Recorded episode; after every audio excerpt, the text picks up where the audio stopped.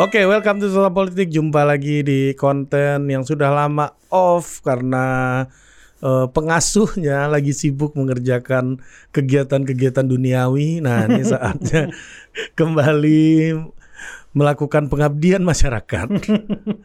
Dan gue sudah bersama Al Ustadz Kustan Firdaus. Assalamualaikum warahmatullahi wabarakatuh. Selamat pagi, siang, malam buat Mas Topo. Iya, udah lama ya Al Ustadz nggak ke sini ya. Betul, betul. Ya, tiba-tiba udah berubah aja kan. Iya, keren banget nih, Ri. Ya. Terima kasih sudah diterima. Ya, ini sumbangan umat ini. Wah, umat yang mana? umat umat oligarki. ngeri, ngeri, ngeri. Nah, kali ini kita kembali di konten Filsafat 101 yang udah lama banget off ya. Terakhir kita bahas apa ya dulu ya? Eh, filosofi cinta. Lu yang ngomong sebenarnya. Udah mau closing, tiba-tiba lu ngomong platonik Oh kan? iya, Eh, platonic love ya. Platonic Ya, itu tuh tema penting kalau kata anak sekarang di Jaksel tuh, dia bukan pacar gua, Jadi, dia platonik gua. gitu. ngeri. Emang lu master soal Iya, itu ya? Enggak, itu anak-anak Jak- Jaksel sekarang Jaksel. pakai term itu sekarang gitu. Jadi sangat nama Platon itu sangat terkenal di Platon apa Plato? Platonik, Platonik Oh, ya, ya. Jadi nama Plato itu sangat familiar, filsuf yang paling familiar di Jakarta Selatan. Hmm, iya, iya. Setelah ini siapa namanya? Ini? Ka-. Karl Marx nggak mungkin terkenal di sini Iya, kan. iya, iya. Ya paling terkenal ya Plato lah karena Gue jadi inget dulu ada temen cerita kan jauh-jauh sekolah ke Prancis cuma ngajarin kita untuk nyebut Plato sebagai Platon. Iya Platon, Nah. ya, tergantung. Kan Tergantung. Kita mau nyebutnya Plato apa Platon? Gue Plato aja deh. Plato aja ya. Gua Platon, gua Platon. Ya karena dekat sama karena kita di daerah Jaksel sekarang Oh ya iya, kan. iya, iya, iya. Dia anak-anak Jaksel bilang dia platonik gua Iya, gitu. Untung gue cuma numpang gede doang di Jaksel ya. iya kan lu anak Jaksel banget. Oh, SMA di Jaksel, SMP Jaksel. SMP Jaksel. Tapi eh, ini apa namanya? Secara tampilan lu sangat tidak Jaksel tapi. Oh iya dong. Iya, Warga sangat Bogor, KTP Jaksel.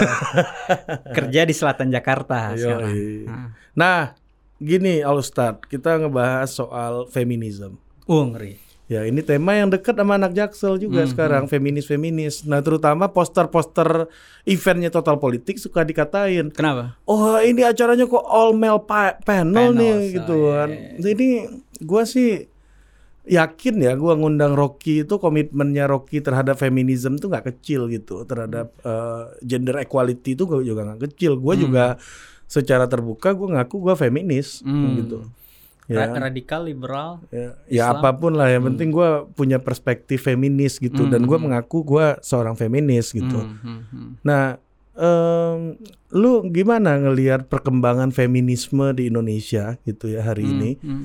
Eh, apakah sama eh, feminis-feminis ini yang muncul di sosmed sekarang mempermasalahkan all male panels gitu. misalnya ini salah satu aja ya kalau Hmm. Gua kalau di total politik punya alasan ya gua sih yakin walaupun nggak ada perempuan pun semua yang bicara di gua atau mayoritas lah paling enggak paling enggak gua sama Budi lah punya Hmm. komitmen paling gede terhadap gender equality terhadap feminisme gitu Hmm. ter- terhadap fe- pandangan feminis gitu Hmm, hmm. nah lu sendiri gimana lihat Iya, kebetulan gue juga lagi penelitian tentang feminisme, khususnya feminisme, feminisme Islam atau Islamic feminism. Ada yang nyebutnya Islamic feminism, ada yang nyebutnya Muslim feminism. Dan ini diskursus yang sangat masif. Kalau kita lihat misalnya di 2017 tuh ada KUPI. KUPI itu singkatan dari Kongres Ulama Perempuan Indonesia di Cirebon kalau nggak salah hostnya Kiai Haji Hussein Muhammad. Eh, mereka menggunakan istilah ulama perempuan itu bukan hanya untuk perempuan yang menjadi ustadz, usta- ustazah dan ulama, tapi juga laki-laki yang punya concern terhadap tafsir feminis terhadap ayat-ayat Quran, hadis dan yang lainnya secara feminis itu juga masuk kategori ulama perempuan. Oh, Nah, berarti kayak kemarin itu karena gua punya pandangan feminis gitu ya, gua punya komitmen terhadap gender equality, gua bisa dianggap bagian dari itu dong gitu. kalau lo eh, menyeriusi menjadi ulama, kemudian menafsir Quran dan hadis secara gender equity, Enggak di dalam acara total politik gua ngelihat politik punya Secara- gender equality gitu, Hmm, ada hmm. side itu dari, Hmm, dari sisi hmm. gua gitu. betul. Apalagi misalnya eh, ruang-ruang untuk kemarin salah satu responden gua, responden ahlinya bilang ruang-ruang untuk feminisme itu makin besar di Indonesia. Salah satu narasumber ahli itu bilang misalnya di tahun 2000-an ketika beliau bekerja itu mau ngomong feminisme dalam Islam aja takut-takut. Hmm. I- ibaratnya takut tabrak tembok gitu. Karena nanti begitu udah tabrak tembok nggak bisa ke mana-mana, udah ada stereotyping dan seterusnya. Tapi sekarang makin terbuka, Ri. Hmm. Dan kalau kita lihat sejarahnya, waktu gua turun ke kampung lu berapa waktu lalu akhir Mei, Ya kampung lu juga. tapi lu nggak ada di situ. Gue ke Bukit Tinggi wawancara eh, salah satu narasumber ahli di YIN Bukit Tinggi. Sekarang udah jadi UIN eh, apa? Bukit Tinggi. Jamil Jambe Ya. per, Jan- per Juni. Itu di Minangkabau kalau gue nyebut Minangkabau di era sebelum 1945 berarti termasuk Riau sekarang. Ya. Itu ada sekitar dua ini penelitian orang sebenarnya. Jadi jadi, jadi data sekunder di penelitian gua. Ad, dari 1900 sampai 1945 itu ada 209 media cetak di Minangkabau termasuk Di Riau daerah tadi. Minangkabau daerah ya. Minangkabau. Ranah dan rantau ini. Ranah ya. dan rantau itu. Dan dari 209 itu ada 8 media cetak berupa majalah maupun koran Hmm. yang fokusnya pemberdayaan perempuan. Hmm. Salah satunya misalnya eh, Sunting Melayu, Hmm. Asrak. Asrak itu misalnya pemretnya ada Rustam Effendi. Nah itu terbit secara reguler dan bahkan subscribersnya sampai ke Singapura. Hmm. Sembilan- 1900 sampai 1942. Nah, artinya gerakan feminis itu sudah ada di Nusantara sebelum Indonesia berdiri gitu. Hmm. Dan eh, salah satu narasumber ahli di Bukit Tinggi bilang bahwa ada tiga tokoh perempuan selain Rasuna Said ada Rohana Kudus, Kudus, ya. ada Rahmah El Yunisia kita tahu dia bikin eh, Diniyah Putri di Padang Ya. Panjang. Nah, yang menarik sebenarnya eh, Rohana Kudus karena Pers ya. pers Hmm. fokusnya bukan hanya ke ekonomi Hmm. tapi juga bikin pers Ya. sehingga perempuan bisa menyura- menyuarakan isi akalnya secara terbuka lewat tulisan Padahal belum demokrasi. padahal itu. belum demokrasi dan masih di bawah pemerintahan kolonial Belanda gitu Hmm. Eh, dan Bu Rahma Indonesia eh, bahkan bikin satu sekolah sorry Bu Rohana Kudus bikin eh, sekolah entrepreneurship Ya. untuk melatih perempuan dan bisa bikin links dengan luar negeri untuk menjual produk-produk kerajinan tangan. Artinya pemberdayaan perempuan itu berjalan eh, dan perempuan bisa mandiri secara ekonomi. Kita tahu misalnya di Minangkabau eh, garisnya garis ibu kan, nasabnya nasab ibu. Jadi perempuan menjadi berdaya bukan hanya karena mengelola harta pusaka yang menjadi milik kaum, menjadi milik keluarga besar, tapi juga bisa menghasilkan produk manufaktur untuk dijual ke daerah lain dan ke luar negeri. Itu luar biasa gitu. Sehingga gerakan feminis di Minangkabau itu bukan hanya soal kesetaraan peran, tapi juga pemberdayaan wanita secara pendidikan dan secara ekonomi dan secara eh, rasional lewat penulisan di media-media cetak itu. Nah, hari ini kita lihat misalnya media cetak di Indonesia berapa banyak yang perempuan bisa fokus ke situ. Ada jurnal, tapi hanya jurnal misalnya Jurnal perempuan. jurnal perempuan gitu. Tapi tidak sampai angka eh, 8 kan seperti dulu gitu. Artinya tingkat literasi perempuan di wilayah Minangkabau tadi cukup luar biasa. Mereka tidak hanya bisa baca tulis Arab tapi juga huruf Latin gitu. Hmm. Hmm. Dan subscribersnya jalan gitu. Sayangnya dokumentasinya tidak cukup lengkap misalnya di Perpusnas itu tidak cukup lengkap sehingga kita harus pergi ke pusat dokumentasi kebudayaan Minang di Padang Panjang untuk di mengakses itu atau di Leiden mungkin. atau di Leiden gitu. Di dunia maya itu hanya ada beberapa sampel dari majalah-majalah dan koran-koran perempuan itu. Artinya feminisme sebagai gerakan itu di Indonesia punya historical trajectory, Ya. punya trajektori historisnya dan bukan hal baru gitu. Jadi fenomena kupi itu eh, memang cukup masif tapi bukan yang pertama sebenarnya. Memang eh, pemberdayaan perempuan di Minangkabau itu baru fokus ke pendidikan, ke eh, ekonomi, belum ke wilayah eh, tafsir Quran dan hadis. Nah, sekarang KUPI mungkin bisa dibilang sebagai kelanjutan untuk menafsir teks-teks Quran dan hadis itu secara pro perempuan. Dan kebetulan sudah ada tadi misalnya yang udah gue sebut di awal Kiai Haji Hussein Muhammad yang memang menafsir dan bahkan menyarankan dalam tulisan-tulisannya agar dalam institusi keluarga misalnya kita tidak lagi menggunakan fikih ibadah Hmm. tapi menggunakan fikih muamalah sehingga hubungan suami istri itu tidak lagi berlangsung secara patriarkis Tapi kolaboratif. kolaboratif dan harus ada konsen. Misalnya lu mau ngajak sorry itu saya jima gitu, itu harus ada bahasa konsen. Indonesia dong, jangan Mau, bahasa mau meng- mengajak kan nganu. anak jaksel, Iya. anak jaksel. paps kalau kata. Pose picture. mau mengajak hubungan badan itu harus ada konsensus antara suami dengan istri. Tidak bisa kemudian suami menafsir, "Oh, kamu tidak mau diajak hubungan badan, kemudian tidak mau beribadah." Menurut satu narasumber gua itu sakit jiwa kayak gitu gitu. Hmm. Karena harus harus ada uh, pendekatan secara psikologis, harus ada foreplay dan seterusnya gitu. Nggak bisa laki-laki memaksa. Nah, kemudian Kiai Usain Muhammad punya murid juga Dr. Fakiyuddin Abdul Qadir yang disertasinya diterbitkan jadi buku. Ini menarik, Rik. Ada perspektif namanya mubadala. Mubadala itu bahasa Arab yang kalau dialih bahasakan itu kira-kira resipro, resiprokalitas Hmm. Dan atau kesalingan. Jadi suami dengan istri itu Timbal seta- balik. timbal balik, Hmm. setara, tidak lagi kemudian suami sedikit lebih di atas daripada perempuan. Nah, efeknya panjang. Bahkan ayat-ayat Quran yang eh, ditafsir secara patriarkis itu misalnya membolehkan Anda mau menikah, ambillah satu, dua, tiga, empat istri, tapi kamu harus adil. Tapi sesungguhnya kamu nggak bakal adil. Nah, mubadalah ini yang dikembangkan oleh Dr. Fakiyuddin Abdul Qadir dengan hormat menyarankan kalau apa yang boleh untuk laki-laki itu juga boleh untuk perempuan, apa yang tidak boleh untuk laki-laki juga tidak boleh untuk perempuan. Sehingga kalau poligini, jadi ada poligami kebagi dua, poligini untuk laki-laki, poliandri untuk perempuan. Ya. Kalau poligini untuk laki-laki itu boleh, seharusnya poliandri boleh, tapi kan nggak boleh. Nah, oleh karena itu, poligini dalam tafsir perspektif mubadalah tidak membolehkan poligini. Nah, ini ini terobosan yang menarik sebenarnya. Belum lagi misalnya di institusi perkawinan atau pernikahan Indonesia, kalau lu buka buku nikah lu, Ri, di bagian belakang tuh ada namanya sirat taklik. Hmm.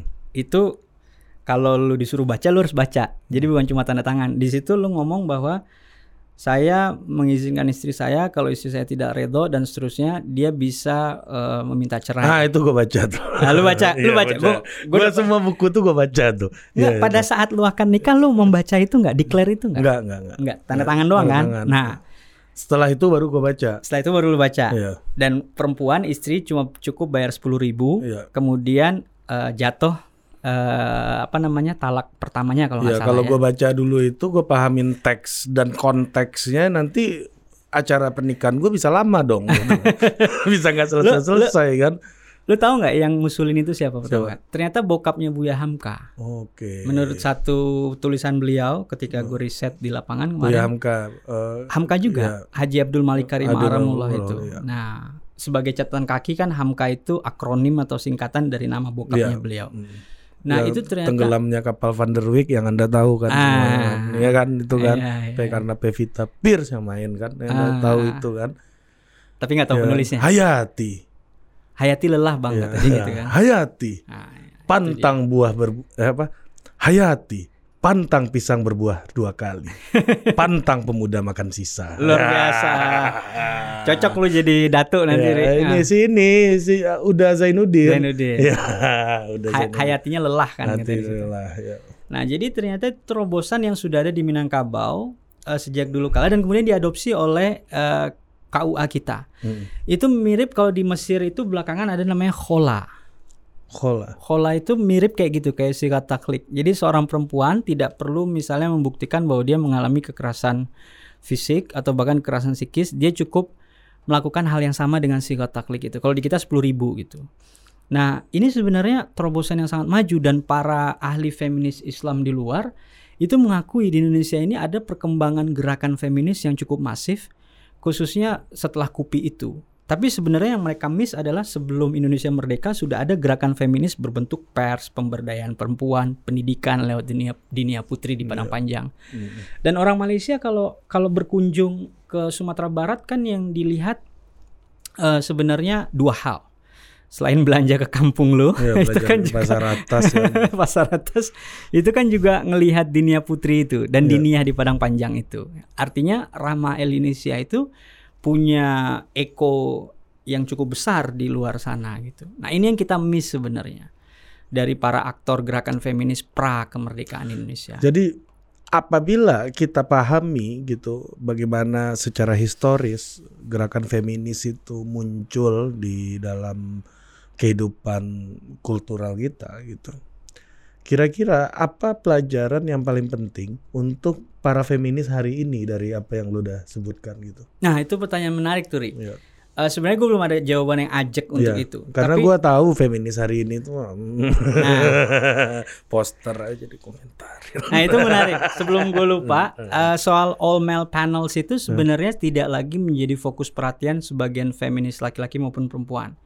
Misalnya ada satu dosen di Surabaya misalnya ngomong bahwa gue udah nggak fokus lagi ke situ. Gue lebih fokus bukan fokus ngelihat apa jenis kelamin panelisnya, Yeah, tapi exactly. apa kontennya gitu. Pro gender equality dan equity apa enggak gitu. Hmm. Lebih ke situ karena hari ini semakin banyak eh, media exposure tentang kesetaraan gender apalagi MDGs Hmm. pemerintah kita mengadopsi itu dan Kementerian Pemberdayaan Pem- Perempuan mem- membuat dinas-dinas di seluruh kabupaten untuk memproteksi perempuan dan anak gitu. Gender mainstreaming and so Betul. on and so on itu. Betul. Ya. Nah, artinya negara mengadopsi MDGs kemudian memberikan ruang cukup besar bagi orang untuk menjadi lebih literate terhadap isu eh, kesetaraan gender. Ini nanti ada nih orang-orang goblok komentar di sini nih bilang ini ngomong perempuan feminis kok pembicaranya laki-laki dua-duanya katanya. Nah, ada aja tuh pasti Iya. tuh. Padahal kita sebagai orang Minang Yang yang, feminis. feminis dan matrilineal itu kan Gue mungkin lebih feminis daripada sebagian perempuan mungkin. Nah, eh, memang yang men- menjadi pelajaran menarik adalah ternyata diskursus feminisme Islam ini punya rekam jejak sejarah yang luar biasa, tidak hanya di Indonesia dan di luar. Dan kalau kita baca misalnya buku Simone de Beauvoir ya itu di Papua. pacarnya Sartre. Sartre. Sartre kan eh, bukan pacar sih, tapi mungkin Te- eh, FWB lah kalau anak sekarang. friends with benefit. Iya, dia kan sama-sama dapat benefit. Iya. Nah, itu dalam gue nggak bisa baca bukunya yang Prancis, gue bacanya yang bahasa Inggris. Iya sama lah, je ne parle pas français. Ah, parle itu bahasa bahasa ngapak. Enggak, itu bahasa Prancis, gua nggak bisa bahasa Prancis. Ah. Itu kayak gua waktu SMA belajar bahasa Jerman, Ah. Eh, eh, Ustadz. Jadi dari gua kelas 1 sampai gua kelas 3, gue cuma tahu satu kalimat aja. Ikhlibede. No, no, itu udah pasti. Itu mainstream banget Anda Ah. gitu. Ada satu kalimat yang gua tahu. Enzul di Genzi. Apa itu artinya? Izin keluar. Kalau nggak bisa itu nggak bisa keluar, bos. gue ingat satu kalimat lagi, Ri. Apa? Saya itu. Eh, ich bin nach Deutschland in 2007 geflogen. Apa itu? Gue pergi ke Jerman tahun 2017 terbang gitu. Iya. Gue terbang ke Jerman tahun 2017. Jadi geflogen itu kata kerja Ya, only Past tense, only the dead has a time to learn German. Iya. Tapi paling enggak kan semuanya dibaca nggak kayak Iya. Prancis Iya. membaca penulisan sama pembacaan beda. Nah, Nah, jadi gimana? De Beauvoir nulis dalam The Second Sex itu bahwa masyarakat Arab Beduin, Badui. Badui Iya. yang pindah-pindah itu Mm. Sebelum Nabi Muhammad Shallallahu Alaihi Wasallam eh, menyiarkan Islam, menurut Simone de Beauvoir mereka itu matriarki. Hmm. Sayangnya Simon tidak menjelaskan apa referensinya gitu. Matriarki loh ya, bukan matrilineal Lineal, doang. ya. Matriarki artinya perempuan berkuasa. Dan kita lihat misalnya dalam sejarah Yudaisme, Christianity, Islam, ada misalnya ketika Nabi Sulaiman alaihissalam itu masih hidup, ketemu dengan ratu ratu siapa Ri? Yang mana? Balkis. Ya. Itu kan perempuan duduk di puncak kekuasaan.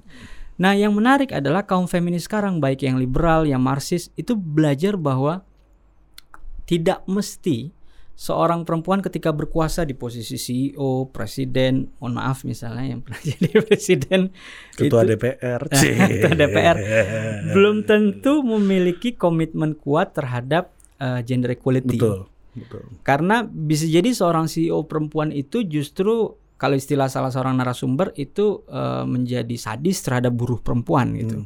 Karena ketika seorang perempuan menjadi CEO, dia berpikir dan bernalar seperti layaknya CEO laki-laki dan itu dianggap sebagai pencapaian individual, Ya, mung- ya, ya, ya. bukan ya. perjuangan Ya, kolektif betul, gitu. Betul, betul. Nah, ini Nah, di sini feminis itu soal perjuangan kolektif. perjuangan sebenarnya. kolektif. Bukan individual achievement. ya. Betul. Nah, ini poin penting nih. Nah, kalau kita lihat secara teoritik kan feminisme selama ini kebagi empat, ada yang liberal, ada yang radikal, ada yang Marxis. sosialis, ada yang marxis. Nah, yang Islam ini nih menarik. Mm. karena tidak hanya mencoba menafsir ulang teks-teks Quran dan hadis, tapi juga uh, terjadi semacam pembelahan. Dengan hormat misalnya di New York ada Profesor Etin Anwar itu dalam beberapa publikasi yang gue baca memisahkan definisi feminisme Islam dengan feminisme Muslim. Okay. Padahal istilah Muslim itu kan merujuk pada, pada orangnya, society ya, pada agensinya. Yeah, person. Yeah. Nah, beliau dalam tulisan-tulisannya di tahun 2018 gitu ya menuliskan bahwa feminisme Islam itu khusus untuk perempuan yang punya komitmen kuat terhadap tafsir feminis terhadap Quran dan hadis. Nah, untuk ulama perempuan yang laki-laki, maksudnya para ulama laki-laki yang punya keberpihakan terhadap agenda perempuan, itu masuknya kategori feminisme Muslim. Nah, ini okay. menurut gue satu struktur logis yang agak bermasalah ya. dan itu yang menjadi pemicu buat gue riset tentang struktur logis feminisme Islam. Oke, okay. gitu. kita masuk lagi ya. Uh, banyak tokoh-tokoh penting dalam femin, fem, gue mau nyebutnya biar lebih aman adalah para feminis di dunia Muslim. Hmm. Ya, hmm. Kan memang ada satu tafsir struktural yang mencoba untuk uh, mendiskriminasi perempuan gitu sehingga hmm. hmm. muncul feminis di dunia Muslim. Kalau hmm. gue lebih suka pakai istilah itu gitu. Hmm. Um, siapa namanya yang Mesir Fatimah uh, Mernisi, Mernisi hmm. ya itu ya. Nah, uh, apa yang membuat tokoh-tokoh feminis Muslim terutama itu pemikirnya aja nggak jadi arus utama di dalam pemikiran feminis secara keseluruhan. Kalau hari hmm. ini kan kita dengar feminis Indonesia yang paling top-top kan misalnya kayak gadis Arifia hmm. gitu misalnya. Hmm. Terus si apalagi feminis yang agak terkenal di Indonesia ya orang-orang NGO lah ya kebanyakan hmm. gitu. Hmm. Yang mana itu uh, approach-nya sangat sekuler gitu. Hmm. Hmm. Nah, uh, eh, gue nggak ngelihat ada seorang pemikir progresif uh, Muslim uh, perempuan yang nak mampu mempengaruhi diskursus feminis secara menyeluruh. Hmm. Hmm. Nah kebetulan kan ibu mertua gue dulu hmm. uh, ketua pusat studi wanita. Ya P, apa PSW, PSW. ya PSW hmm. UIN. Nah jadi gue beberapa kali nganter beliau ke kampus itu, itu gue dengar pendapat-pendapatnya sangat progresif hmm. waktu zaman-zaman baru covid kan ngajar online tuh. Hmm, hmm, hmm. Jadi dia di mobil ngajar di belakang gue sama istri gue di depan. Gue nyetir tuh. Gue selalu dengerin uh, apa Buras. namanya? Ya ibu ibu uh, mertua hmm. untuk menjelaskan soal bagaimana feminis uh, apa namanya muncul di dalam tradisi keislaman. Ada hmm. satu penjelasan yang sangat menarik waktu itu. Apa tuh? Gue lupa surat Anisa ayat ya, berapa ya? Anisa paling banyak. Ya soal Arija hmm. dan Azakar gitu. Muzakar. Ya Azakar ah, gitu. Iya. Dia kasal katanya kan Azakar gitu. Hmm. Gue ini salah satu penjelasannya yang gue ingat sebenarnya hari ini. Gue lagi nyetir tuh padahal. Kata ibu mertua gue gini, jadi uh, perempuan bisa jadi kepala keluarga apa enggak? Hmm. Gitu. jadi pertanyaannya kayak gitu tuh, eh, sangat radikal gitu. Ini ngajar di FKM apa di FISIP? FISIP dong. ya, ya. ya, Oma. Bida. Salam Bu. Aku mendengarkan kuliahmu di mobil waktu itu. Ya kan? Terus terus. Ya kan? Uh, perempuan apa namanya kepala keluarga bisa perempuan apa enggak? Ah. Jadi ada mahasiswanya bilang nggak bisa bu karena hmm, laki-laki hmm. ini dilebihkan bla bla gitu kan. Hmm. Jadi apa uh, dalilnya gitu? Hmm. Dia ngomong lah di dalam surat Anisa ada yang ngutip surat Anisa tuh, hmm, ya hmm. gitu kan. Jadi harus laki-laki bu di dalam surat ini. Hmm, gitu. hmm. Eh, coba kita lihat katanya suratnya.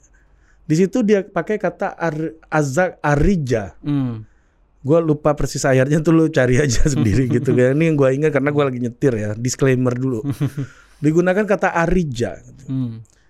arija itu artinya dalam bahasa Arab bukan laki-laki hmm. tapi maskulin gitu hmm. hmm. yang laki-laki itu adalah azakar hmm. Hmm. azakar itu laki-laki jadi kalau perempuannya maskulin bisa bisa hmm. karena perempuannya harus kuat hmm. Hmm. ini soalnya siapa yang bisa jadi maskulin nah hmm. gitu tuh jadi ada penjelasan yeah, yeah. kayak gitu kalau perempuan yeah. misalnya ciri-ciri masculinity itu apa? Independen gitu yeah, misalnya. Yeah, Terus yeah.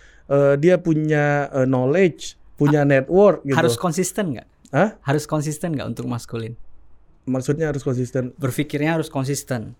Uh, gua nggak tahu ya maksudnya. Nah, itu menarik Kontennya ya. nanti kita bisa bahas Iya, ya. iya, Nah, iya. maksudnya Ini soal logika Ya, Aristoteles soal- apa bukan? Iya, gitu. Hmm, ya, jadi gua ya so- soal logika Aristotelesnya itu. Jadi menjelaskan konstruksi maskulin di society itu kayak apa. Hmm, hmm. Apabila seorang perempuan bisa memiliki konstruksi itu dengan lebih em, apa namanya lebih kuat gitu, ya nggak nggak ada masalah perempuan menjadi kepala keluarga gitu. Iya, iya, nah, jadi ada Hmm. ada tafsir yang kayak begitu Hmm, gitu. hmm. Jadi oh ini progresif sekali gitu Iya, kata gue kan. iya. Ini kalau orang kampung gua denger bahaya nih. Iya, iya, iya, iya. Walaupun ada bundokan doang. ada bendokan doang tapi Iya. ini agak-agak agak-agak pinggir jurang nih Iya, iya, apa namanya tafsirnya gitu. Hmm, hmm, hmm. Kalau perempuan independen punya eh, keuangan yang kuat, punya network yang kuat, dia bisa nggak patuh suami ya gitu Hmm, kan dipahaminya hmm, kayak gitu. hmm, Padahal hmm. ya belum tentu begitu gitu Hmm, kan hmm, ya hmm. konteks tafsirnya tapi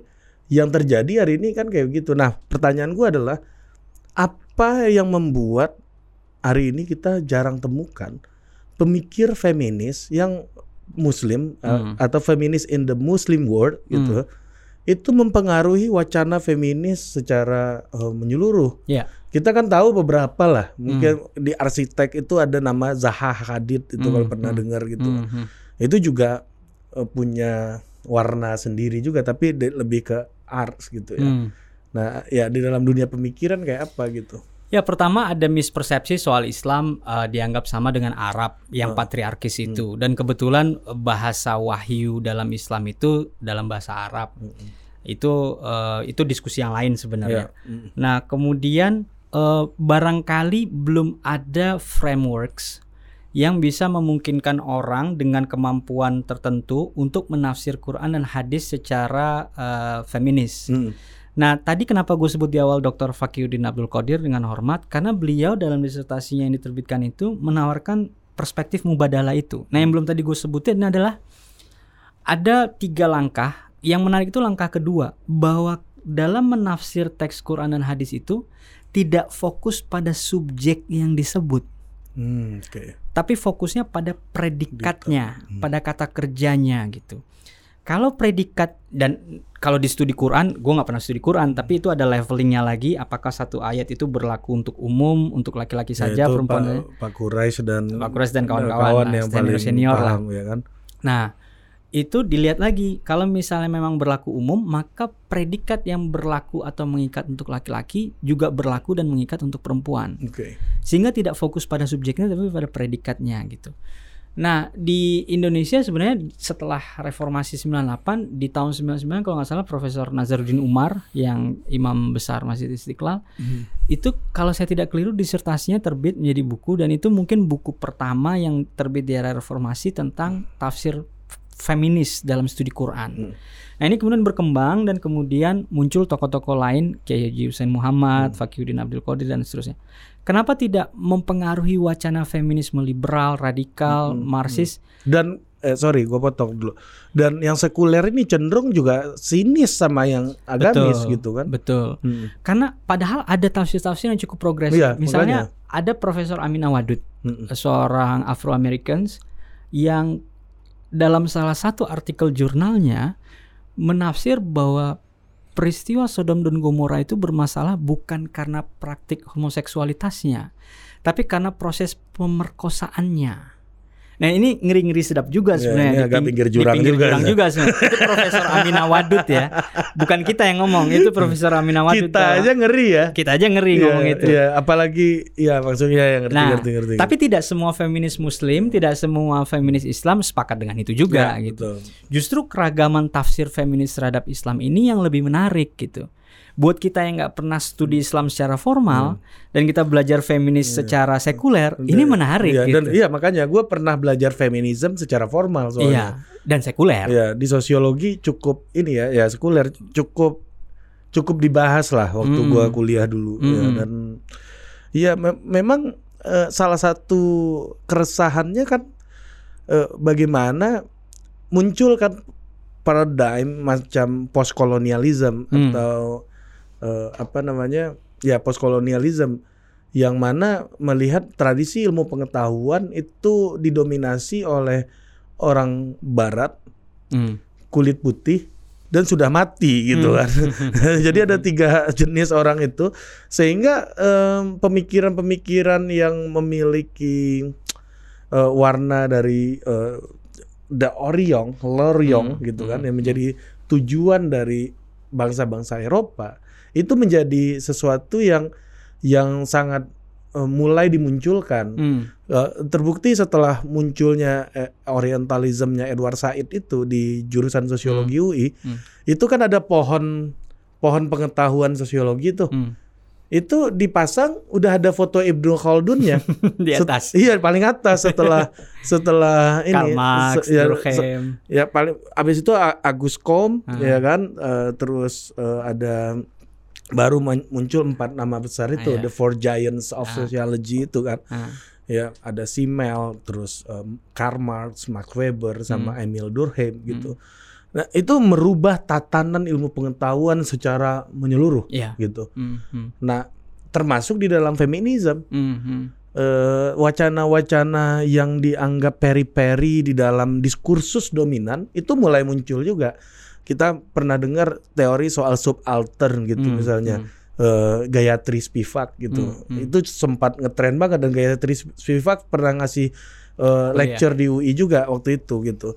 Muncul gitu. Dan gue ingat betul tuh eh, ada dialog Gayatri Gayatri Spivak sama orang tuanya ketika dia menerjemahkan eh, dekonstruksi apa dekonstruksinya eh, Derrida. Derrida gitu on eh, on gramat On grammatical. Al grammatical ya. Itu emaknya nanya gini, "Wah, ini buku saya terjemahkan dari bahasa eh, Prancis. Prancis ke bahasa Inggris." gitu. Apa guna buku ini untuk perjuangan komunis kita? Emaknya Gayatri deh. Emak Gayatri Spivak itu ini tokoh Partai Komunis India gitu. Iya, iya, iya. Nah, poin gua adalah ini mulai muncul dan mempengaruhi diskur- diskursus feminisme bahkan diskursus social science secara Nah, umum. Iya. Ya, nah gua nggak tahu di di Islam ini ya, mungkin gua yang paling familiar ya Fatimah eh, Mernisi. Mernisi.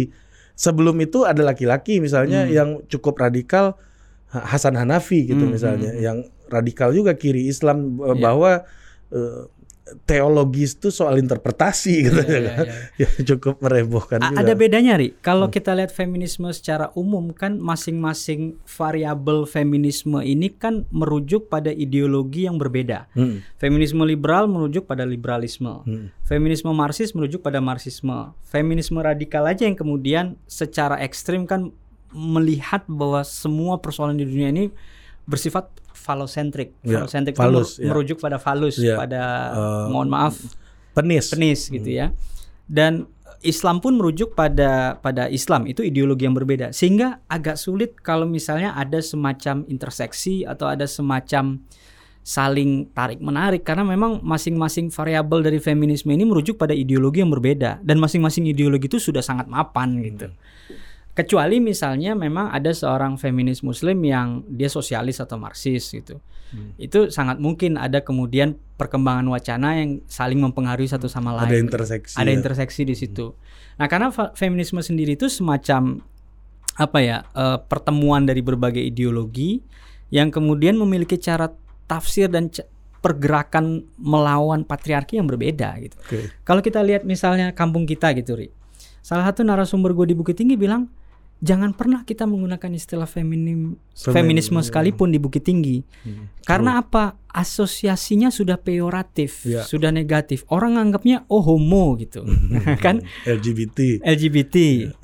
Nah, apalagi ada penelitian soal stiker angkot itu kan. stiker angkot David Reeves. David Reeve, Prof. eh. Dan dan yang lebih menarik adalah tapi kalau kita ngomong bundo kandung mengajarkan A, B, C, orang bisa menerima itu. Artinya sudah ada prawacana di kepala orang-orang Minang itu yang sifatnya pro terhadap agenda perempuan, hanya saja labelingnya bukan feminisme. Le fidelite itu ya kalau Nah. kata Alang Badui Badiu Betul, gitu bahwa betul. kesetiaan terhadap alam kultural tuh udah ada. Udah gitu. ada Ya. gitu. Jadi gue beli wacana lu asal labelnya bukan itu. Gitu. Iya, iya, iya, Isinya iya. gue beli tapi merek gua kasih sendiri ya. Iya, mereknya gitu. beda Barang ya, lokal ya. lah. Iya, gitu. Nah, itu yang kemudian membuat masyarakat kita mungkin agak sulit untuk me- menerima eh, label feminis itu tadi gitu. Hmm. Tapi setelah 2017 ada Kongres Ulama Perempuan Indonesia di Cirebon itu eh, mulai mulai muncul artikel-artikel jurnal yang kemudian menafsir Quran atau bahkan menafsir Islam secara eh, agak dalam tanda petik sekuler gitu ya. Sehingga bis- sangat mungkin ke depan itu akan ada persinggungan atau bahkan feminisme Islam itu bisa mempengaruhi feminisme liberal, radikal dan yang lainnya gitu. Kita nggak tahu, who knows gitu. Hmm. Nah, itu barangkali dugaan Ini sementara. sebagai penutup pertanyaan gue yang terakhir. Hmm. Benar nggak kalau gue bilang feminisme itu adalah gerakan politik dalam ilmu pengetahuan? Bisa jadi gitu. Bisa jadi gerakan politik dalam konteks melawan budaya patriarki gitu. Jadi sehingga misalnya di, di dalam sains sendiri kan ada oligarki. Kalau hari ini kita kirim manuskrip ke jurnal-jurnal uh, Scopus Q1 misalnya, kalau narasi kita atau temuan riset kita tidak pro terhadap eh, paradigma yang berlaku kuat di satu disiplin akademik akan ditolak. Nah, feminisme ini juga punya jurnal-jurnal sendiri dan memang berupaya melawan tafsir patriarkis terhadap ilmu pengetahuan. Misalnya sederhana, kenapa nggak ada fisikawan besar yang perempuan yang kita kenal? Kita tahunya Newton, Eddington, uh, Valdo Maldini. Fisika loh dia loh. fisikawan sedang menjadi atau fisikawan kayak Verhaben gitu kan gagal jadi fisikawan terus jadi Enggak of science. gagal, dia menunda tuh. Menunda. Nah, sehingga eh, jangan-jangan memang ada gue top of mind gue soalnya alumni fisika di Indonesia nomor satu tuh Valdo Maldini kedua amatorik Panas kupingnya nanti. amatorik tuh red bell politiknya detikcom ada dua tuh alumni fisika, fisika itu ya. Iya, top of mind gue Ah, iya, iya, iya. bisa Nah, jadi bisa jadi jangan-jangan memang ada budaya patriarki dalam fisika misalnya. Eh, dan Nobel-Nobel fisika misalnya berapa banyak yang pemenangnya perempuan? Gue nggak tahu gitu. Mungkin ada gitu, tapi kebanyakan kan laki-laki. Sehingga sangat mungkin kalau lo mendefinisikan feminisme sebagai gerakan politik dalam ilmu pengetahuan, boleh. tapi ya nggak mungkin berarti kita bilang ya fisik mau laki-laki mau perempuan kalau bagus ya bagus aja gitu Nah, bagus dalam konteks artikel jurnal itu kan balik lagi ke narasi dominan. Kalau istilah Oke. Thomas Kuhn kan Ya. ada paradigma dalam normal science Ya. gitu. Hmm. Kalau Imre Lakatos nyebutnya sebagai program riset gitu. di di dalam eh, dunia akademik tuh nggak bebas nilai ya Tidak bebas nilai. Kalau barat kan filsafat sains di barat bilang itu bebas nilai karena mereka cuma mengakui yang eksis itu yang empirical, Yes. yang indrawi. Kalau di filsafat ilmu Islam beda lagi gitu. sensory experience Sensory experience. kalau di Islam enggak ya Islam enggak. Ada pembagian lagi itu. Alam-alam itu ada pembagian lagi. itulah bedanya ilmu Tuhan sama ilmu manusia Subhanallah. Anda sudah cocok menjadi ustadz. ustadz feminis.